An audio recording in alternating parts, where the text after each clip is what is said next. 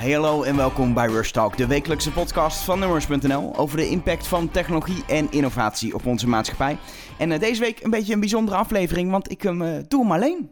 Ja, uh, normaal natuurlijk altijd wel een co-host met wie ik uh, een beetje een onderwerp van die week of gewoon actueel onderwerp op gebied van uh, technologie en innovatie bespreek. Maar deze week een solo-uitzending, tenminste niet helemaal solo, er zitten verschillende interviews in. Ik ben namelijk net terug van Microsoft Build, ontwikkelaarsconferentie van Microsoft die afgelopen week plaatsvond in Seattle in de Verenigde Staten. Ik ben er ook echt heen geweest, dus deze Rush Talk wordt powered by my jetlag, zullen we maar zeggen. En um, ik heb daar heel veel gezien, heel veel gehoord, heel veel gesproken. En het is heel interessant om te kijken naar uh, het verhaal wat Microsoft daar heeft verteld. Omdat nog steeds Microsoft een van de belangrijkste techbedrijven van de wereld is. Uh, we kennen natuurlijk allemaal als de maker van Windows en Office, maar er zit uh, meer achter. Um, en een heel belangrijk onderdeel van Microsoft doet is ook zorgen dat ontwikkelaars hun, uh, hun werk kunnen doen om, om apps te bouwen voor natuurlijk ook Windows en de platformen van, van Microsoft. Microsoft is ook een hele belangrijke zakelijke clouddienstverlener. Wil ik het vooral niet veel over gaan hebben, deze podcast. Want voor veel mensen niet echt heel interessant. Um, maar wel iets wat ook op, op Microsoft Build besproken wordt.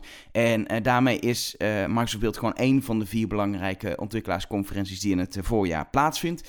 Facebook heeft vorige maand al F8 gehad. Dat hebben we toen ook besproken in Rush Talk. deze week, zelfs vandaag als de podcast online komt, begint Google I.O. Dat is de ontwikkelaarsconferentie van Google ieder jaar. Die is in mei altijd, eigenlijk vlak na Microsoft En dan volgende maand, in juni, om precies zijn vanaf 5 juni, begint Apple met zijn uh, Apple WWDC. Dat staat voor Worldwide Developers Conference. En eigenlijk in al die ontwikkelaarsconferenties horen we het verhaal, de visie van het bedrijf. Um, in dit geval dus uh, Microsoft, uh, uh, deze week Google en over een paar weken Apple. En daarbij krijgen we ook, en dat is wel interessant, natuurlijk een heleboel aankondigingen en echt productnieuws. Maar ook juist die visie is heel interessant. En het leuke is, zo'n zo'n zo'n ontwikkelarsconferentie heeft natuurlijk heel veel sessies waarin ontwikkelaars echt workshops gaan doen en dingen leren en vragen kunnen stellen over de dingen die ze bouwen, waar ze tegenaan lopen. Maar het begint altijd met een keynote. En die keynote is het nieuwsmoment, daarom worden de grote aankondigingen gedaan. Maar als je die presentaties goed beluistert, zeker ook bij een bedrijf Microsoft, hoor je daar de laatste jaren heel erg een, een soort verhaal in waar zij mee bezig zijn en waar het heen gaat met de wereld. Bij Facebook zien we dat eigenlijk hetzelfde. De laatste twee jaar opeens dat Mark Zuckerberg daar echt wel interessante dingen begint te zeggen. Daar kun je het soms niet mee eens zijn met zijn wereldbeeld, maar, maar uh, hij heeft wel echt uh, door waar het heen gaat. Vooral ook omdat ze natuurlijk allemaal op Facebook zitten. Um, en hetzelfde geldt voor Microsoft. Wil je het of niet? Iedereen gebruikt uiteindelijk wel een keer een Microsoft product. Was het maar uh, um, Outlook of Office, Word um, en misschien toch een keer Windows.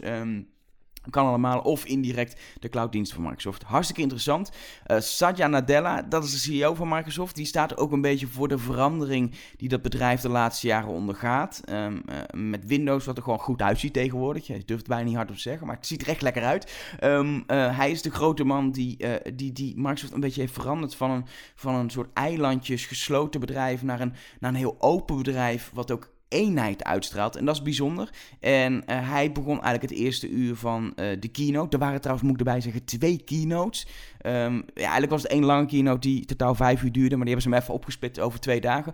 Dus dat de eerste het algemene keynote over ook meer zakelijke dingen en de grote ontwikkelaarsdingen. En de tweede dag, um, um, de afgelopen donderdag was dat, was er echt een keynote die zich echt helemaal focuste op Windows. Maar die ging wel door in dat verhaal wat eigenlijk in werd gezet in het eerste uur op de eerste dag door CEO Satya Nadella. Um, en hij vertelde eigenlijk zijn visie op hoe de wereld verandert. Luister maar even. Last year we talked a lot about conversations as a platform. And this year you will see in demo after demo people using conversations as a platform. People building agents, personal assistants that span devices, skills for those agents, bots, natural user interfaces for these multi-device applications, whether it be text or speech or even vision and gestures uh, with mixed reality. IoT, big, big, big workload in the cloud. AI is everywhere. The ability to reason over large amounts of data, create intelligence, distribute it.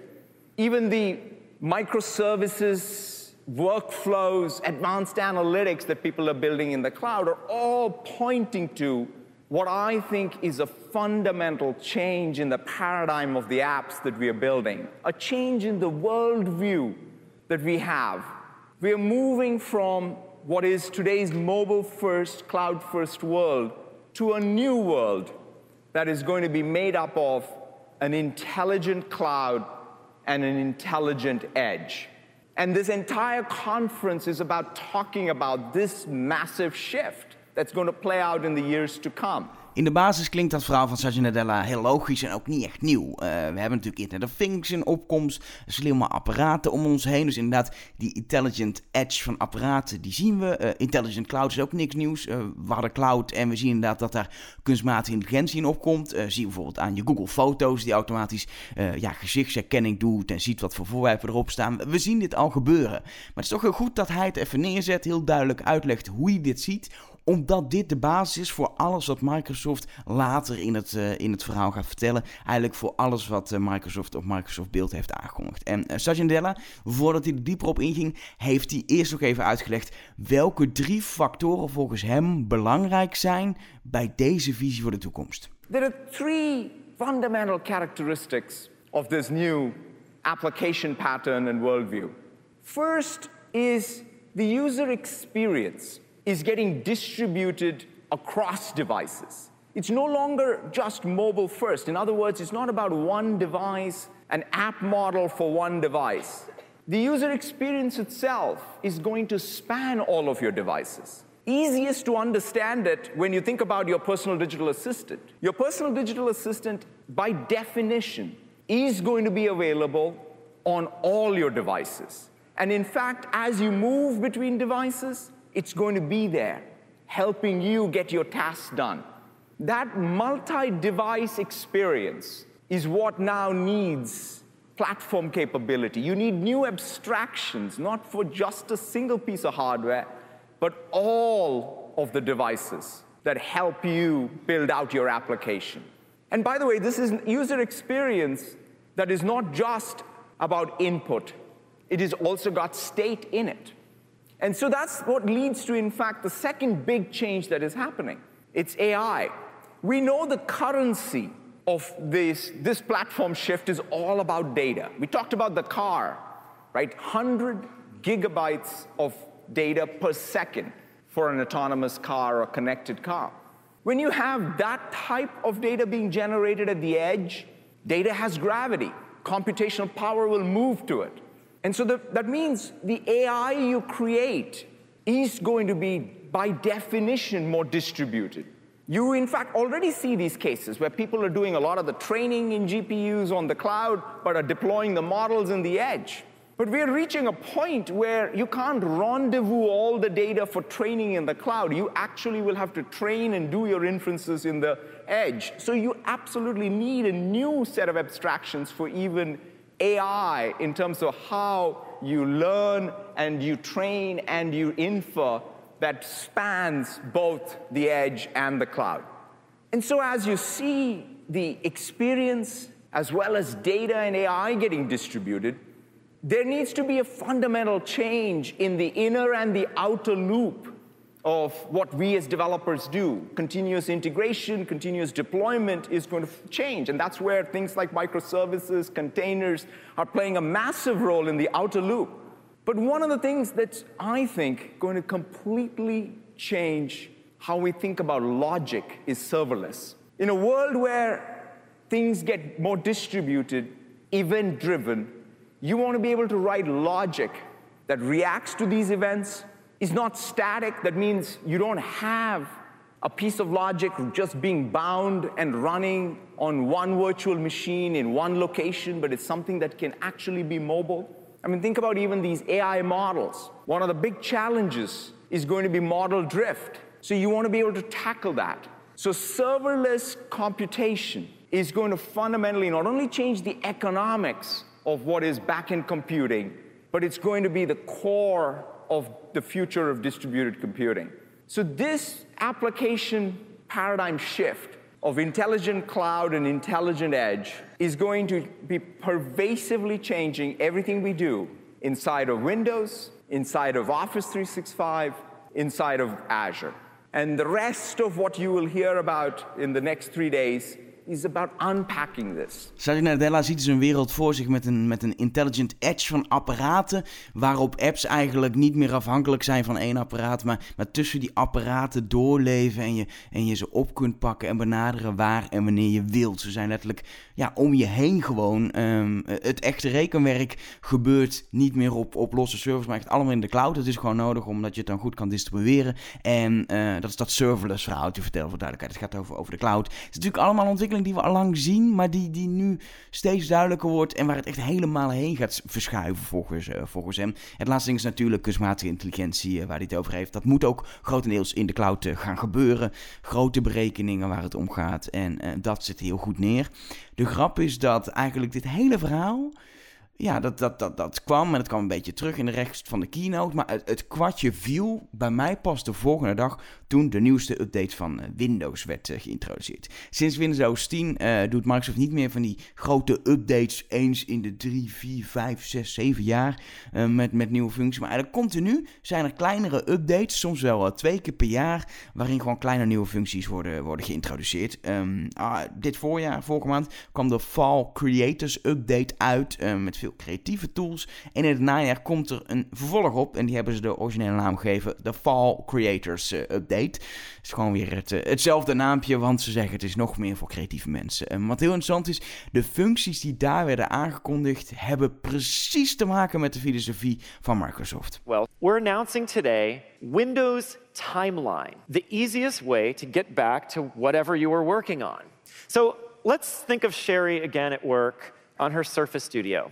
She's running some Windows apps here, like always, and when she goes down to the task switcher button, you'll see the UI has evolved to include timeline. At the top, as today, are her running apps, but below is a history of all the app activity and web activity that she's been doing. But all of this data being stored in the Microsoft Graph allows some pretty interesting and powerful things to happen. For one, all that data is there so Sherry can search. She just goes up here, clicks the search button, and she can type whatever term she wants, and we'll look at all that activity data. She types kitchen because she wants to pick up her kitchen remodel project, and when she does, the PowerPoint deck opens up and goes exactly back to where she was last using it. This gets even more interesting when you think about multiple devices. So let's imagine that Sherry's got her brand new Surface book, and she hasn't opened the kitchen remodel file on it, and she hasn't moved it to that device. But when she starts using it, the right things just happen. As she begins using it, Cortana, implemented as an AI in the cloud, able to look at that graph data, recognizes that Sherry was just working on the kitchen remodel project on her desktop PC, so Cortana suggests that she might pick up where she left off. She clicks the PowerPoint item. The file is pulled from the cloud. She didn't need to put it on her PC in the first place. And she picks up exactly where she left off. Je kunt dus straks in Windows gewoon lekker eh, werken aan een, eh, aan bestand of in een app of in je browser. En vervolgens op een andere Windows-apparaat gewoon verder werken. Je krijgt een soort pop-upje van Cortana. Hey, je was hiermee aan het werk, wil je daarmee verder? Maar je kunt ook in een, eh, in een timeline, echt een visuele timeline met gewoon een soort ja, print screens van de apps kun je doorheen scrollen terug in de tijd, oude apps opzoeken waar je eerder in hebt gewerkt of zelfs uh, via een zoekfunctie echt terugzoeken. En dat werkt dus over alle apparaten heen. Precies die hele intelligent edge, multi-device wordt hier duidelijk. En nog interessanter is, het werkt niet alleen op Windows apparaten. Via de Cortana app kan het ook gewoon op je iPhone, Android-telefoon, uh, uh, iPad of Android-tablet. Uh, Microsoft heeft echt moeite gedaan om die hele multi-device filosofie, om die ook in te bouwen eigenlijk in alle apparaten die je, die je hebt. Um, dus ook niet van hen zijn. Ze moeten ook wel, want niemand gebruikt een Windows-phone. maar het is wel heel slim dat ze dit deze manier hebben gedaan. Waarbij ik natuurlijk wel moet vermelden, ontwikkelaars moeten die functie wel in hun app inbouwen. Dus heb jij een hele kekke mail-app en uh, bouwt hij de functie niet in, dan kun je niet een mailtje typen op je, op je Windows computer en dan verder op je iPhone, omdat het niet in die app zit. Alle Microsoft apps, dus ook Word en, en bijvoorbeeld Outlook gaan natuurlijk standaard ondersteunen, maar verder moeten ontwikkelaars dat inbouwen. Schijnt niet zoveel werk te zijn, belooft Microsoft erbij. Uh, een ander klein dingetje, dat zat niet in de quote net die je hoorde uit de presentatie, maar ze gaan bijvoorbeeld ook uh, je klembord gaan ze over apparaten heen dragen. En dat betekent dat je iets kan kopiëren op het ene apparaat en weer kan plakken op het andere. En ook dat werkt tussen je Windows computer en je smartphone moet je wel het toetsenbord SwiftKey installeren. Speciaal los toetsenbord voor zowel iPhone als Android. Ja, waarom is dat? Microsoft krijgt geen toegang tot, tot de core systemen van, uh, van iPhone en Android. Dus ze moeten op creatieve manier om die beperking heen werken. En dat doen ze echt heel slim. Um, functies die ze trouwens een beetje aankondigen, zie je bijvoorbeeld al in uh, Mac OS en iOS zitten. Dat werkt al heel goed samen. Daar kun je apps overnemen van het ene naar het andere apparaat. Of uh, inderdaad een klembord breder trekken dan één device beperking is, dat kan alleen bij Apple-producten. En als je uh, een Windows-computer hebt en een iPhone, dan heb je er helemaal niks aan. Microsoft gaat het wel voor elkaar krijgen. Echt die, die open mentaliteit die je de laatste jaren ziet, dat zij veel meer andere platformen beginnen te, te omarmen, die, uh, die zie je daar terugkomen. En logisch, want als we naar een multi-device wereld gaan, dan moet je ook andere platformen gaan, gaan omarmen. Dan moeten die verschillende platformen die we gebruiken in ons leven, moeten gaan samenwerken. En moet je niet per se opgesloten zitten in het, in het ecosysteem van één partij. Dus dat kan ik alleen maar aanmoedigen als, als, als, als, als tech-liefhebber dat eh, Microsoft dit zo omarmt. Uh, ik zou bijna Windows gaan gebruiken, zeg maar. Ik ben een, ik ben een macOS-liefhebber, maar ik zou bijna enthousiast worden. Helemaal omdat ook het design van Windows echt flik op de schop is genomen. Ook daar geldt een soort multi-device filosofie. Windows heeft natuurlijk nog steeds Windows Mobile, maar ze hebben ook zowel tablets met een pen die je kan gebruiken als gewoon laptops. Laatst weer een nieuwe laptop ook gelanceerd. Als zelfs ook de HoloLens en virtual reality, mixed reality waar ze mee bezig zijn. Allemaal draait dat op Windows 10. En dat moet één, ja, één uitstraling hebben in design. In het verleden was Microsoft in design, dat kon niet eens in één zin. Tegenwoordig ziet Windows er goed uit en ze zetten nu de volgende stap om die hele design filosofie breder te trekken dan de apparaten die er al zijn. En ook de manier waarop we ja, een apparaat kunnen bedienen, daarin mee te nemen. I want you to think about what we're trying to do with Windows at Microsoft. We're building experiences for mouse, ink, touch, gesture, gaze for an incredible range of devices, which include PCs, tablets, phones, TVs, and mixed reality headsets. This diversity of experiences requires an expansion of our current design system. And today's the day we're going to introduce that system. We call this fluent design. The Fluent design system has five elements that we're playing with and evolving. And each of these is intended to help all of us developers build more expressive and engaging experiences. In fact, we want to make it so that people can navigate all of Windows just using a pen. Now, what I want to do is take you through this example. So I'm on a Surface Pro, and I've got a pen in my hand, and you'll see one of the ways that Fluent evolves here is that I can now scroll right here by using the pen. And if I want to go to a new page, I can just click a link. We go. Ja, dan komt er dus een hele demo. Daar zijn ze erg goed in bij Microsoft om alles op het podium lekker even voor te doen. De demo geeft wel een goed beeld van, uh, van hoe het werkt. Tegelijkertijd, op een gegeven moment kom je in coding demo's terecht. Die echt heel interessant zijn voor ontwikkelaars. Maar voor mij toch een beetje dat ik denk van oké, ja, ik zit een kwartier te kijken naar hoe je iemand uh, code gaat, uh, gaat intypen live on stage. wel tof dat ze het doen en dat ze het lef hebben. Het is immers een ontwikkelaarsconferentie en dat zeggen ze zelf ook bij. Het is een ontwikkelaarsconferentie, dus we doen coding on stage. Anyway, um, Windows dus een aantal nieuwe functies die heel erg voortkomen uit dat multi-device idee. Maar een van de andere factoren uit die filosofie van Microsoft is kunstmatige intelligentie. En die zie je eigenlijk overal in terugkomen. Er waren aankondigingen voor een automatische Presentation Translator, live ondertiteling in PowerPoint als je een presentatie geeft. En dan zo in de taal die je spreekt, bijvoorbeeld Engels, maar ook kun je die automatisch laten vertalen in Spaans als jij een Spaanstalig publiek hebt. het komt ook terug in de cloud, waar Microsoft steeds meer ja, cognitive services aanbiedt aan uh, gebruikers van hun clouddienst Azure. Ontwikkelaars die een app maken kunnen heel makkelijk data inschieten in zo'n dienst en reacties terugkijken en uh, krijgen en hoeven zelf niet de kunstmatige intelligentie te ontwikkelen. Um, ja, ik zeg, ik, ik zeg altijd maar een soort kunstmatige intelligentie als, als stroom. Je betaalt gewoon voor hoeveel je gebruikt bijvoorbeeld om te analyseren wat er op foto staat. Je stuurt gewoon 100 foto's in en krijgt terug wat erop staat. En uh, verder je niks te doen. De cloud van Microsoft doet dat. Nou, die cognitive services komen steeds meer terug. Dat worden er steeds meer uh, we zagen bijvoorbeeld ook een voorbeeld van Story Remix, een nieuwe app in Windows waarmee je video's kan bewerken. Die eigenlijk de hele bewerking, selectie van de beelden, het goed op de beat leggen van de montage, um, eventueel zelfs wie er centraal staat in de video, doet met kunstmatige intelligentie. En er is natuurlijk uh, Cortana, dat is de slimme spraakassistent van, um, van Microsoft. Een soort Siri, een soort, soort uh, Amazon Alexa, maar dan van Microsoft. Um, ja, die komt steeds meer terug, die wordt steeds belangrijker in alle producten. Microsoft heeft ook afgelopen week de eerste speaker officieel aangekondigd. Die gaat Harman Kardon maken, maar ook andere grote elektronica fabrikanten gaan slimme speakers maken met die assistent van Microsoft erin. Dus die, ja, die war, die oorlog met, uh, met onder andere Apple en Google en Amazon, die gaan ze toch echt aan met hun eigen Cortana. Uh, en ze moeten ook wel, want ook dat is weer een hele multi-device uh, filosofie. Dat komt ook terug in in demo's die ze gaven op het, uh, op het podium. Een van de demo's was een, een, een, een, een safe workplace environment. Die mede mogelijk gemaakt werd door kunstmatige intelligentie. En, en dan moet je je voorstellen, gewoon een werkplaats, letterlijk een werkplaats, een bouwplaats.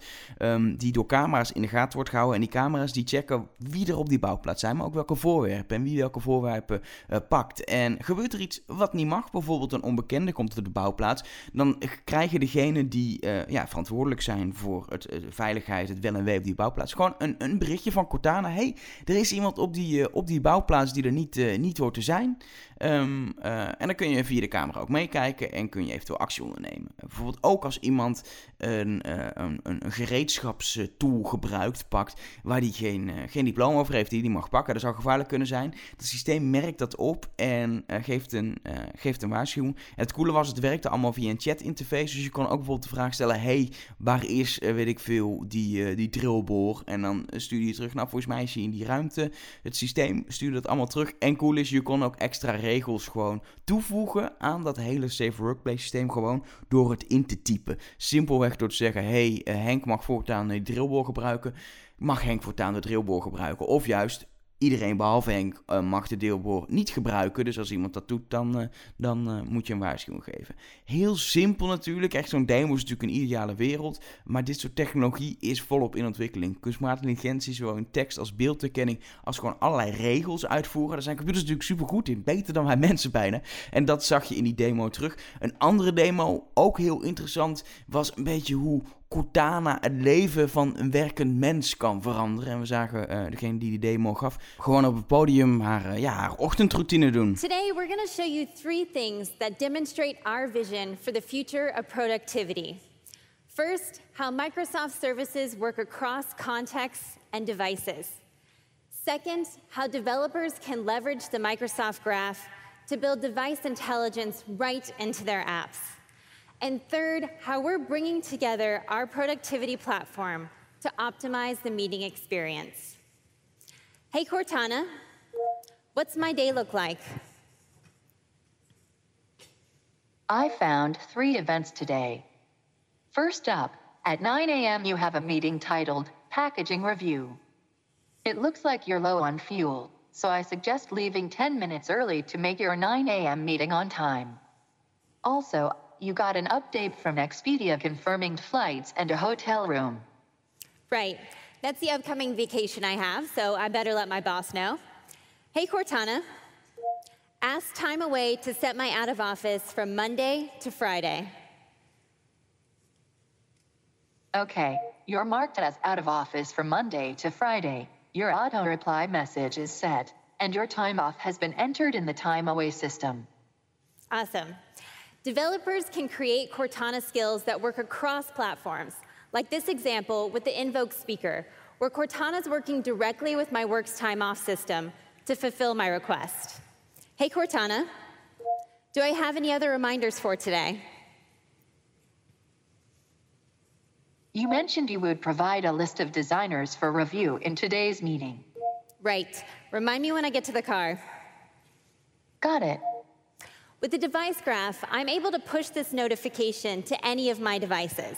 So I could push it to my Xbox, but since I'm headed that way, I've gone ahead and set it to my car. Now don't laugh, it gets great fuel economy. So with the help of Cortana, I'm fueled up and ready to make my meeting on time. There's an accident on 520 that will make you late for your 9 a.m. meeting. Would you like me to let the other attendees know and connect you when it starts? Yes, please. Okay, I'll let you know. Guess I spoke too soon. Hi, Laura. Just a reminder to provide a list of designers for your packaging review meeting. Ask LinkedIn to pull all the designers from my network. I found all the designers in your network. Would you like me to read out the top five or send you a summary? Send a summary to my product review channel. Okay, I added that to your team channel. Because Cortana is aware of the device I'm on, she's able to provide me with contextually appropriate responses so I can take the best next step.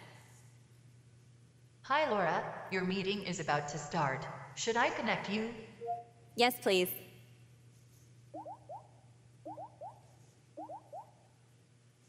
Hey folks, I'm running a little late, but go ahead and get started without me. Nou, die demo die ging nog wel even door. Uh, onder andere later zat ze nog in een Skype-call met collega's... waarin uh, gewoon uh, Cortana in de Skype-call werd aange aangesproken... als het ware als een soort, als een soort extra lid van, van de vergadering. En die zette dingen op to-do-lijsten automatisch in Microsoft Teams weer. En alles werkte perfect samen. Allemaal met zo'n virtuele assistent die in verschillende apparaten leefde. heel erg die filosofie die Microsoft in het begin eigenlijk neerzette in de keynote... maar ook een filosofie... Um, die we wel kennen en die we heel graag zouden willen zien met z'n allen, maar dit is nog niet hoe het werkt. Ehm, ik weet niet of je, of je Siri wel eens gebruikt, maar dit lijkt niet op hoe je met Siri omgaat of kan omgaan. Uh, Siri is dom en dit systeem was toch best wel slim.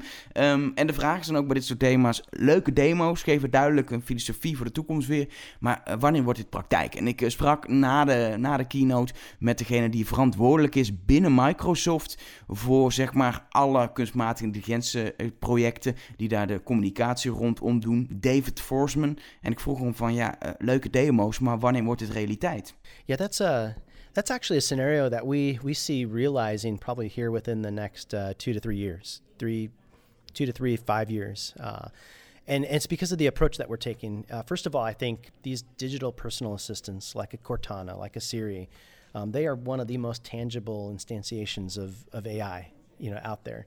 Um, our strategy and approach that we're taking with Cortana, though, is, is it's different. We don't believe in a closed ecosystem where we create a device for a particular platform and, and it has to work within that model. We believe that just as you know in businesses today that people have personal assistants, we believe that as we move forward over the, the coming years, that individuals, consumers, will have access to personal assistants that will go with them wherever they go, across devices, across situations, across platforms. And so when I wake up in the morning and I look at my, my, my, phone when the, the alarm goes off, Cortana's there to remind me, to help me understand activities for the day when I go down to the kitchen uh, to make some coffee or make some breakfast. Cortana's there on whatever smart connected devices that I have there.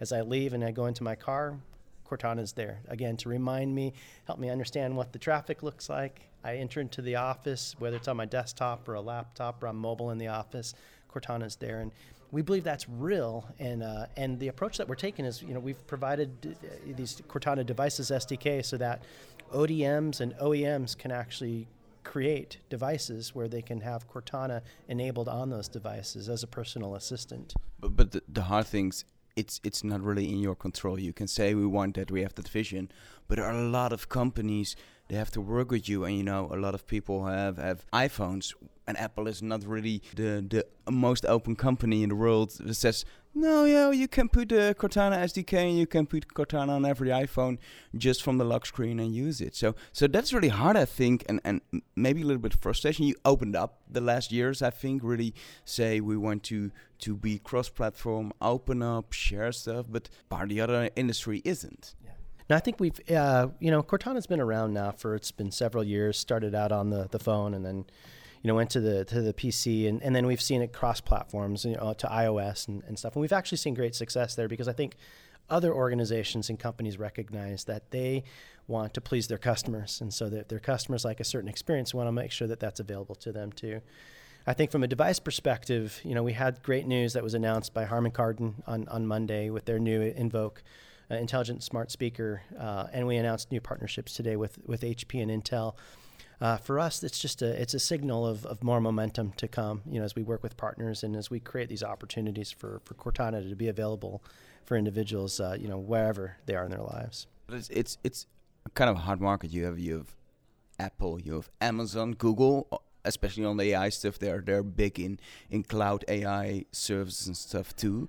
It's it's so different than than the the place where Microsoft once was with with Windows and Office, where you just had the full market and can do stuff. It's it's I think it's really hard. Yeah, I you know I mean I think people you know once told us it was hard from a PC perspective too, right? And uh, and the approach that we took was an open approach where you know we we brought uh, you know OEMs and ODMs on board and and uh, you know they liked the platform and would put it on their devices. You know, again, it's the the approach that we're taking here, right? Is one of of openness. We believe that there's there's quite a bit of interest out there, and and uh, you know we'll continue to, to pursue that path. On stage, we saw Satya for I think 45 minutes, first talking about his view on how the world is changing to like an intelligent cloud with an intelligent edge. But but I think for a lot of people that's really hard to to grasp to to to all right it's really abstract a cloud where, where stuff is happening and the edge that are yeah devices. But what what is it and what, what means this for us as, as normal people for the upcoming years? So I think if uh, if you back up to Microsoft's mission, and I think Satya, you might have flashed a slide on this today, but you know our mission at Microsoft is to empower everyone, every person, every organization to achieve more. And if you look, at, the company has three core ambitions. You know, one's focused on making computing more personal. Another one's around, you know, creating this intelligent cloud. And then the, the last one's about how do we reinvent business and productivity processes. What we've seen, though, is at the confluence of each of those ambitions is this notion of artificial intelligence.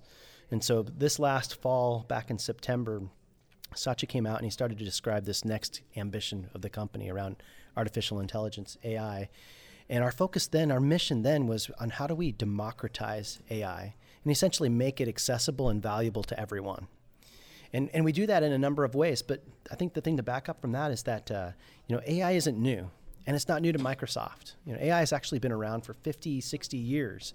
Uh, AI's origins at Microsoft go back 25 years, back when Bill Gates actually founded Microsoft Research. He had this vision back then of how do we teach computers to see and hear and speak and understand as humans do. Uh, the first three groups uh, within Microsoft Research were focused on AI areas vision and speech and natural language. Uh, and so, you know, since then, you know, there's been a lot of advances, and and uh, you know, can sort of ask the question of, but why now? Why why now? And I think there's really three areas that have accelerated AI to where it is now. Uh, one is uh, the power of the cloud, computing in the cloud. It's enabling us to do things like we haven't been be, been able to be to do before. Data. There's massive amounts of data that are out there, and there's been so many advances in progress in deep learning and machine learning uh, in terms of AI research that those things combined, we can actually now make sense of the data that's out there and the information abundance that we all feel. At Microsoft, we feel that we're uniquely positioned in those three areas because if you think about the cloud and our Azure cloud, that infrastructure, we're actually able to scale to being able to flatten sort of the world's information and make sense of it. On the research side, we've got 25 years of, of research that we've put towards AI, where we're actually starting to see you know benefits and emerging breakthroughs now. And then finally, we have access to knowledge. Uh, we call it the Microsoft Graph.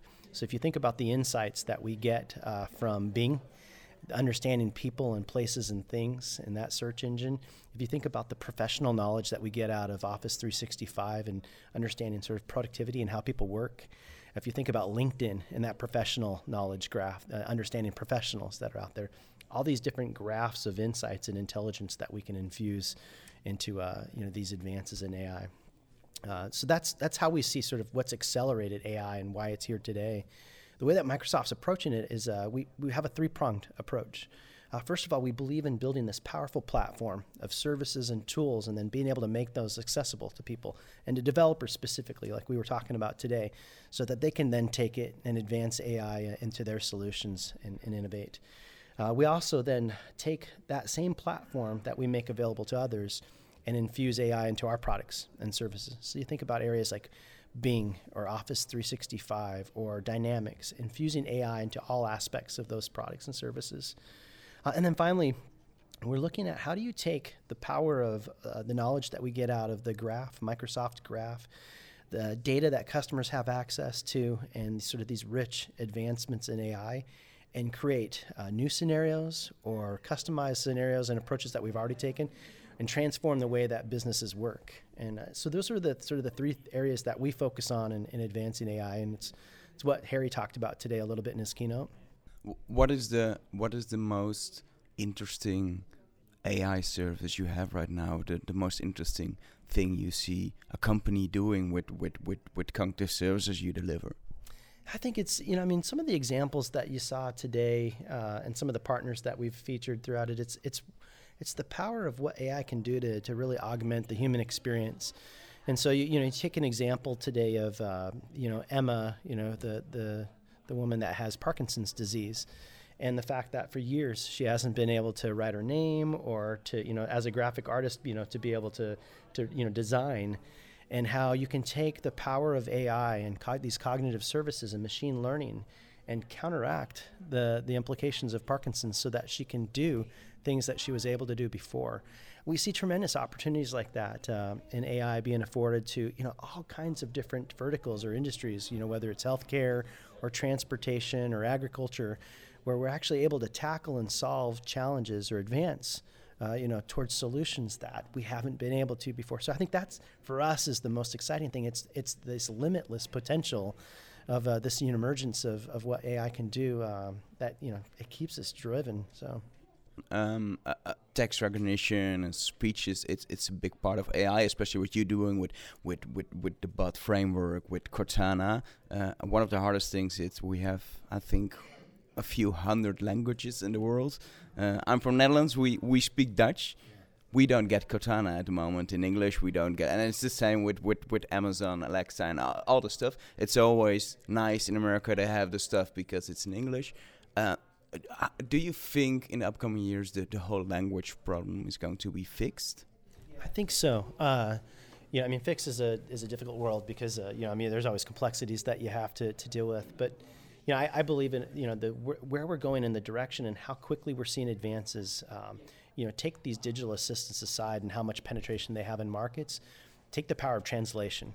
Uh, you know, let's focus there. If you think of what's been enabled through these translation APIs and cognitive services just in the last couple years, you know, started with Skype Translator and this ability to take nine and then 10 languages and then create 90 different combinations of, of uh, interactions through, through different languages.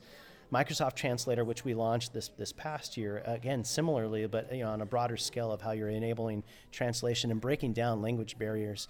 The the presentation translator that we showed in PowerPoint today. You know, imagine that uh, where you're actually able to. I could create a, a PowerPoint that I deliver, you know, down at a conference in San Francisco, and then I'm in Beijing the next weekend, and and uh, I can actually do that, and the audience can get real time translation we weren't able to do that a year ago, six months ago. And, and so the advances that we're, I think we're seeing in language and translation, five years from now, 10 years from now, yeah, I mean, we're going to break down barriers and normalize, you know, some of these, these challenges that we've had traditionally that in unlike, unlike ways that we've been before. So, do you have any idea where you stand in five years? I think uh, I'll give you a couple examples. So if uh, if you look at where we are right now and this idea of infusing AI into all our products and services, you take a product like Office, for example. Today, we're starting to infuse AI into Office in so many different ways, and uh, people aren't even aware of how it's in, you know uh, influencing their lives. But uh, whether it's we have researcher and editor in Microsoft Word, where it can actually outline topics for you and, and you know edit papers for you, or in PowerPoint we've got designer in, in PowerPoint, where you can create the aesthetics in the form of, of your PowerPoint, so that I mean you, you give these incredible presentations. I think that's just scratching the surface right now uh, what Microsoft's doing, what other companies will do in terms of infusing AI into their products and services. Five years from now, it will become so normal for us to be using products and services that have AI infused into all of them. So I think that is you know, one clear direction of, of where we're going. I think the this idea that we talked a little bit around uh, the power of digital assistants and intelligent assistants, uh, whether it's these agents like Cortana or bots, will completely be normal, uh, you know, and, and custom, you know, for us, uh, you know, five years from now, where it's just this natural evolution where we went from a web model and a social model to an app model.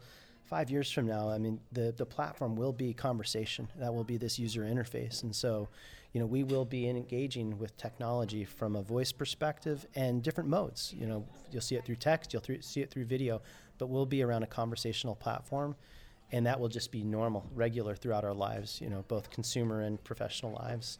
So I think things like that. I think that we'll see, um, you know, big shifts in terms of, uh, you know, how we're actually applying AI to solve, you know, bigger problems and working collectively cross industry on that. So. Het is in ieder geval duidelijk dat Microsoft echt ook grote stappen zet dus op het gebied van kunstmatige intelligentie.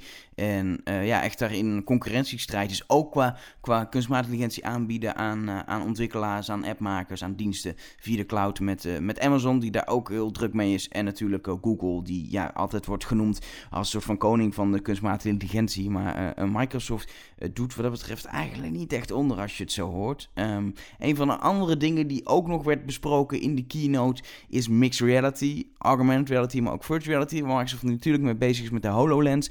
Daar kan ik bijna een losse podcast over opnemen. Doe ik niet. Maar ik heb daar eerder deze week een, een artikel over geschreven. Wat Microsoft daarmee doet. Ik ben ook bij een ja, Mixed Reality Academy geweest. Waarbij ik eigenlijk dezelfde soort workshop heb gekregen als een ontwikkelaar zou krijgen. Alleen hoefde ik geen code te tikken. Dat scheelde wel. Um, uh, maar leuk om te zien wat Microsoft daarmee doet. En ook dat is weer onderdeel van, van al die apparaten in die Intelligent Edge. En die hele designfilosofie van Windows. Is ook dat apps ook kunnen draaien in gewoon zo'n zo'n HoloLens of een virtuality bril. Dat je er ook gewoon een app kan openen en daarmee aan de slag gaat. Zelfde apps draaien ook allemaal op Windows. Echt weer die, ja, die filosofie. Ik kan het vaak genoeg zeggen. Ik blijf het woord filosofie herhalen, maar dat is heel duidelijk. Um, ik wil eigenlijk tot slot even laten, laten zien dat Microsoft veel meer is nog dan dit. Dit is waar het heel tijd over gaat bij Microsoft. Um, maar bedrijven doen ook heel veel andere dingen. Ik ben ook langs geweest op, uh, op de Microsoft Campus. Ja, als je toch in de buurt bent, dan ga je even langs. Uh, leuke rondleiding gehad. Ook gehoord over uh, projecten Microsoft Research mee bezig is.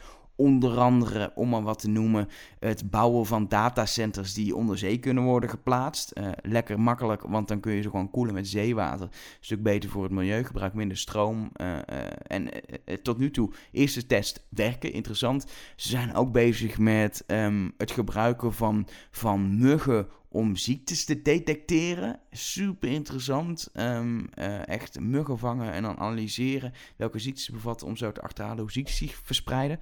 Heeft helemaal niks te maken met Windows, met kunstmatige intelligentie, met de cloud, met Intelligence Edge. Maar is ook dingen die er gebeuren. En dat soort projecten gebeuren bij uh, Microsoft Research, onderzoeksafdeling van Microsoft. En uit Microsoft Research is een heel bijzonder project gekomen. Het kreeg ook heel even de aandacht in de eerste keynote in een korte video. Het is het verhaal van de Emma Watch. Emma is, een, uh, is een, een, vrouw van in de 30 uit Londen. Ze heeft Parkinson, uh, haar handen trillen. Ze heeft een tremor, zoals het heet. Ze kan niet eens meer de eigen naam beschrijven.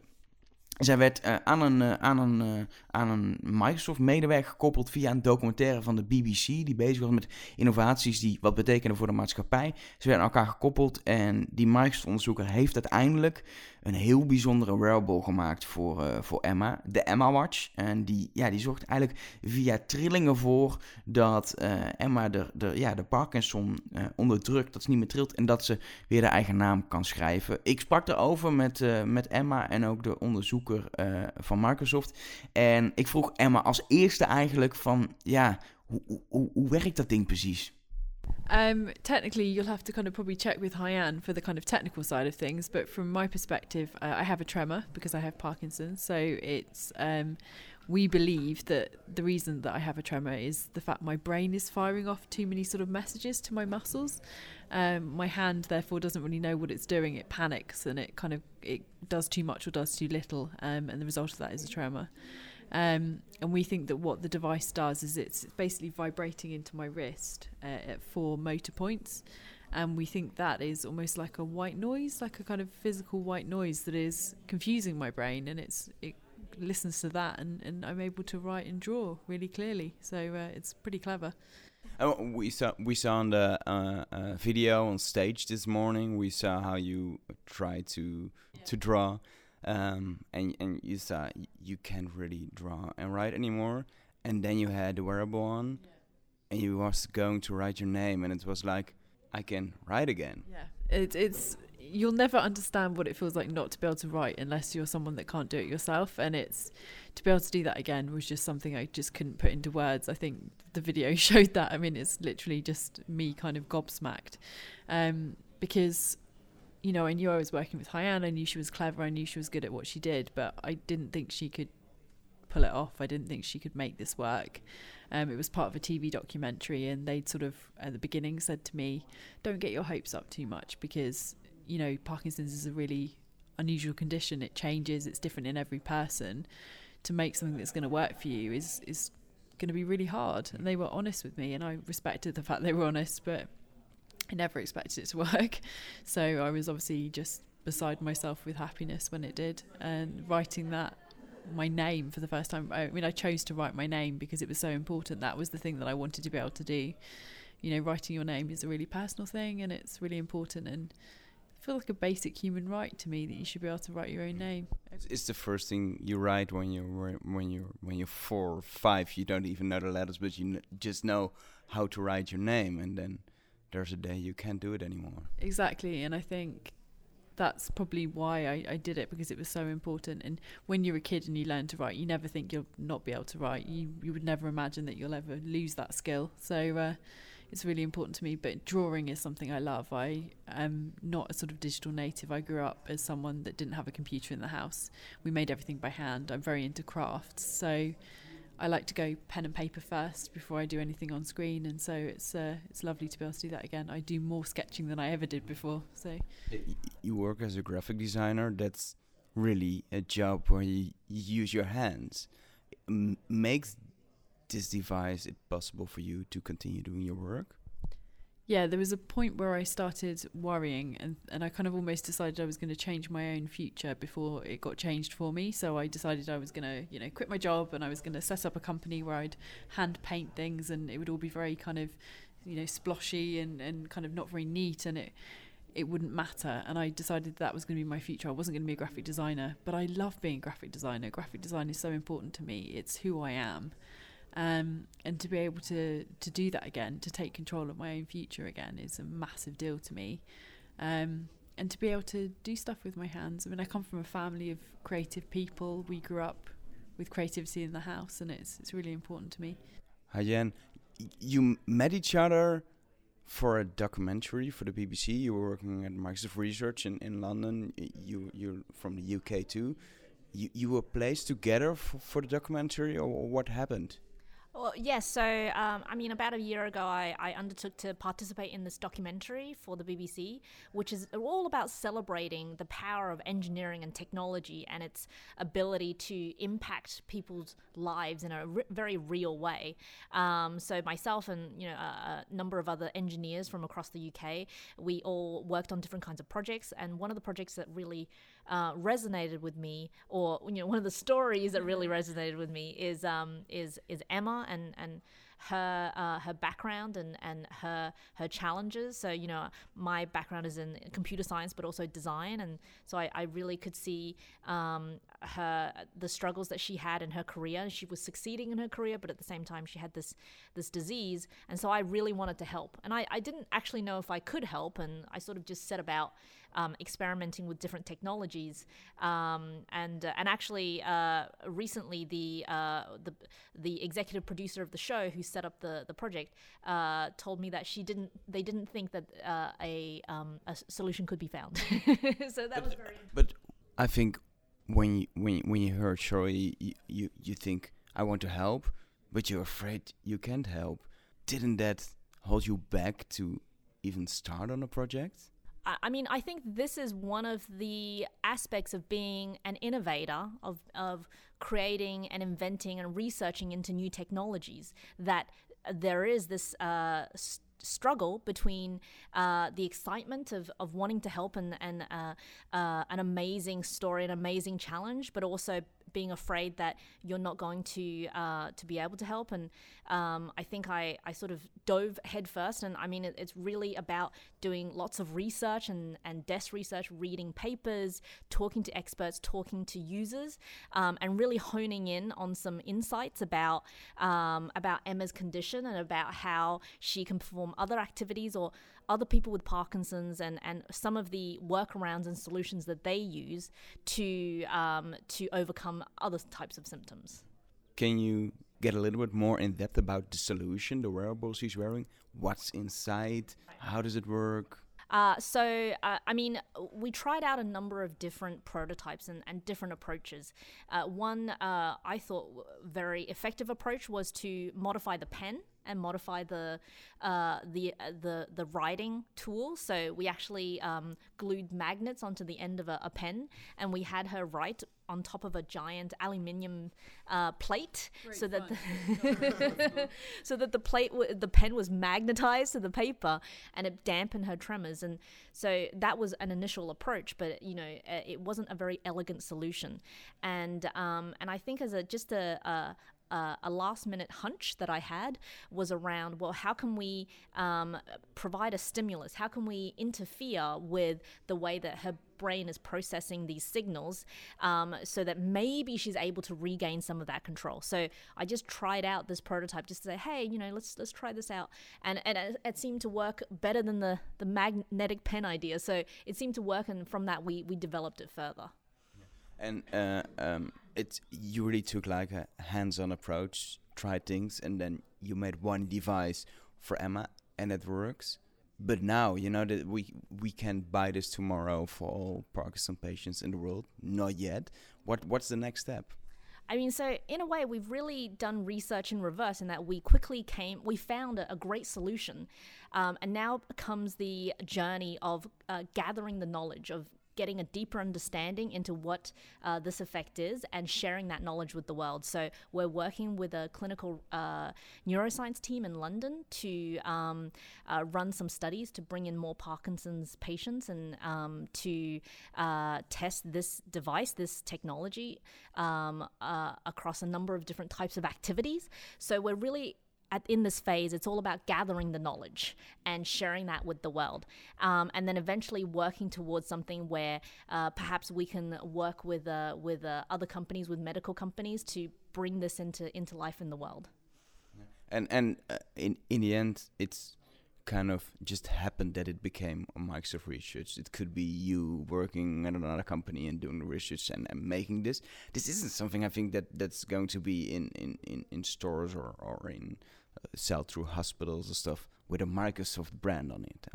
You know, I think Microsoft just does so many things that. Uh, I, I joined Microsoft four and a half years ago, and uh, initially I worked in Xbox, so in entertainment. You know, that's another aspect of, of Microsoft, and uh, I've really enjoyed my journey from from Xbox uh, into into research as well. And there are so many just amazing projects going on that uh, um, that I think anybody who is interested in technology will find a project, will find an aspect of technology that they are interested in in what Microsoft is doing as well. So I think, I mean I think you talked about a, uh, this idea, this perception, but I think if you dig a little bit deeper, there are so many really amazing, interesting projects. Van Emma en de Emma Watch wil ik deze editie van Rush Talk afsluiten. Uh, hij was ook lang genoeg volgens mij, maar ik vond het wel belangrijk om uh, om ja, alles wat, wat ik wilde vertellen hierin, wat ik jou wil laten horen, ook gewoon te doen, ondanks misschien de lengte. Omdat het heel goed is om het verhaal van Microsoft even goed te horen, de verschillende elementen erin. En het ook van het bedrijf zelf te horen natuurlijk. En ook dit verhaal van Emma en Emma Watch. Ja, ik vind het gewoon een bijzonder mooi verhaal, um, een positief verhaal. Dat mag gewoon gedeeld worden, dus dat wil ik je ook niet uh, onthouden. Zit het wel op voor deze Rush Talk? Een bijzondere, want ik zit natuurlijk in mijn eentje met al die fragmenten en, uh, en interviews. Ik ben heel benieuwd naar wat je hiervan vond. Uh, normaal hebben we natuurlijk gewoon lekker bij ons aan de lunchtafel bespreken wij met z'n, met tweeën, ik en, en bijvoorbeeld Wim of Marjolein of Johan of Stan, een onderwerp. Um, dat is hartstikke leuk, maar misschien vind je dit ook wel leuk. Of is helemaal niks, wil je gewoon elke keer zo'n meer opinierende aflevering, waarin we gewoon een beetje een onderwerp met z'n tweeën bespreken. Ik ben benieuwd wat je hiervan vond. Laat me even weten en stuur me een tweetje. Dat kan via Elger op Twitter of nummers. Je kan ook Facebooken. Um, als je naar de nummerspagina gaat, kun je gewoon een bericht sturen en dan chat je direct met de redactie. Dat is ook altijd handig. Um, rating mag je geven op iTunes. Ehm, en ik wil er niet te veel om zeuren, maar eh, ratings helpen ons echt heel erg om te zorgen dat mensen de podcast ontdekken en meer mensen kunnen luisteren. En als meer mensen luisteren, is er ook een reden om gewoon lekker rustig te blijven maken. Dus dat is ook gewoon heel, heel eerlijk in ben. Voor nu wil ik je bedanken ehm, en tot de volgende keer.